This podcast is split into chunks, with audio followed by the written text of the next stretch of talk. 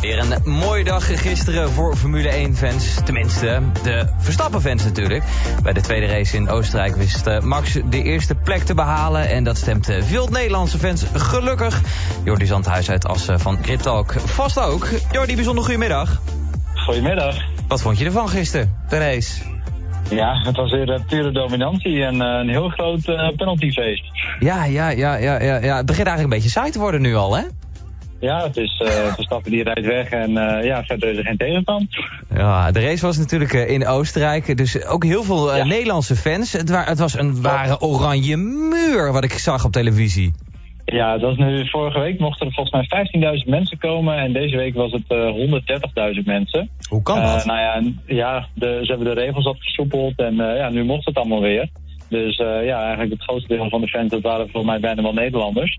Waarop Sebastian Vettel na de race ook grapte van, nou volgens mij is Nederland nu leeg, want die zitten allemaal daar op de tribune. Dus ja, het was inderdaad één grote oranje muur en, en, en rook en weet ik veel wat allemaal. Het was ja, dat is één groot Nederlands feestje. Ja, er waren ook een aantal uh, coureurs natuurlijk die, uh, die in oranje kleuren rijden. En die dachten dat ja. de fans voor, voor hun waren, of niet? ja, die, inderdaad, die grapjes die gaan al een paar jaar inderdaad. Want McLaren die rijdt inderdaad ook in oranje. Dus uh, ja, het kan natuurlijk ook best zijn dat die dan supporteren voor... al die fans dan supporteren voor McLaren. Maar ja, die, die deden het ook erg goed dit weekend. Dus ja, wat dat betreft was, het, ja, was, was iedereen op de tribune heel blij, denk ik. Ja, voor de, voor, voor de Verstappen-fans was het, was, was, was het smullen en misschien ook wel een beetje saai tenminste, uh, ik heb ja. op televisie gekeken en ik heb uh, Max eigenlijk alleen het begin van de race en het eind van de race even voorbij zien flitsen op de camera. En voor de rest ja. was, het, was het vooral een, een wedstrijd met heel veel straffen. leg eens uit. Ja, de, inderdaad, er werd uh, flink veel met, uh, met ellebogen naar buiten gedaan inderdaad. Dus uh, heel veel, nou ja, onder andere Lando Norris van McLaren. Die heeft Sergio Perez al, al, redelijk vroeg in de race al een keertje buiten de baan gedwongen. En daar kreeg hij een straf voor. Perez zelf heeft, heeft ook nog wat mensen van de baan afgeduwd. Die heeft ook twee keer vijf seconden gekregen. Ehm, na de race is er nog volgens mij aan twee mensen nog een 30 seconden tijdstraf uitgedeeld. Omdat er tijdens een dubbele gele vlag uh, niet genoeg afgeremd was. Uh, en Kimi Räikkönen heeft Vettel nog van de baan afgetikt de laatste ronde. Dus die heeft er ook nog een tijdstap voor gehad. Dus ja, het was wat dat betreft uh, een beetje een chaos. Er gebeurde genoeg in ieder geval daar in Oostenrijk. Ja, zeker, zeker. Hey, Max staat nu vier aan kop ja. in, de, in, het, in het kampioenschap. Nummer 2, Lewis Hamilton, 150 punten, heb ik me laten vertellen. Kunnen we nu al stellen dat dat kampioenschap heel dichtbij is? Of is dat nog veel te vroeg? Nou ja, dit, dit, dit was natuurlijk wel een, een circuit waar normaal gesproken... Uh, ja, het is wel gewoon een, een power circuit. Dus normaal gesproken was Mercedes... Uh, is op dit soort circuits gewoon heel erg sterk. Omdat de motor gewoon altijd superieur was. Uh, maar je hebt toch wel het idee dat nu Red Bull die, dat, dat gat wel overbrugd heeft. En, en misschien zelfs al een stap vooruit heeft gezet. dus ja, eigenlijk zou je kunnen zeggen dat... als, als ze deze lijn vol zeg maar, voortzetten...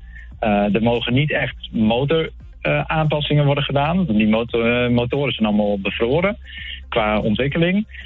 dus ja, dan moet het al ergens op de auto, moet Mercedes al tijd zien te winnen aan, aan onderdeeltjes of ergens een keer een, een flapje anders of weet ik veel wat. Maar ja, je zou zeggen dat, dat ze deze lijn zo kunnen voortzetten. En dan, ja, dan is het in ieder geval heel close. En ja, wie weet blijft hij wel zo superieur op andere circuits ook. Ja, dat is altijd even afwachten. Maar ja, de tekenen zijn heel goed. Ik uh, proef uh, uh, licht optimisme bij jou, Jordi. Ja, zeker. En, nou ja, en ook natuurlijk Lewis Hamilton heeft afgelopen weekend ook bekendgemaakt dat hij twee jaar langer doorgaat bij, bij Mercedes. Dus ja, het is niet alleen dit jaar wordt het heel, uh, heel leuk, maar eigenlijk de komende jaren ook. Want uh, de, de strijd Verstappen-Hamilton, die, uh, daar zijn we nog niet vanaf. Het is aan, het is helemaal aan. ik zou zeggen, als je hier naar zit te luisteren en denkt van, waar hebben die mannen het over? Ga, ga het hele weekendje opsluiten en ga lekker Formule ja. 1 kijken, zou ik zeggen. wij zijn op besmet, dus wij hoeven dat niet meer... Zeker weten. Ja. maar volgende, volgende race op de kalender, wanneer is dat? Uh, volgens mij over twee weken op Silverstone. En dan is er ook een ander format. Want normaal gesproken is natuurlijk vrijdag uh, oefenen. Uh, zaterdag nog een oefensessie en dan een kwalificatie en zondag race. Mm -hmm. maar dat is, dat is dan in Silverstone is dat wat anders. Dan oh. gaan ze proberen met een, met een soort kwalificatie voor een sprintrace op de zaterdag. Oh. En de einduitslag van die sprintrace, dat is weer de startopstelling voor de zondag. Dus dat, dat is iets wat ze nu, nu gaan oefenen. Dat doen ze in F2 en F3 ook, zo'n soort sprintrace. Ja. Ehm, dus dat, ja, dat gaan ze nu voor Formule 1 ook testen. Dus dan hebben we drie dagen nog wat meer Spektakel! We gaan het zien.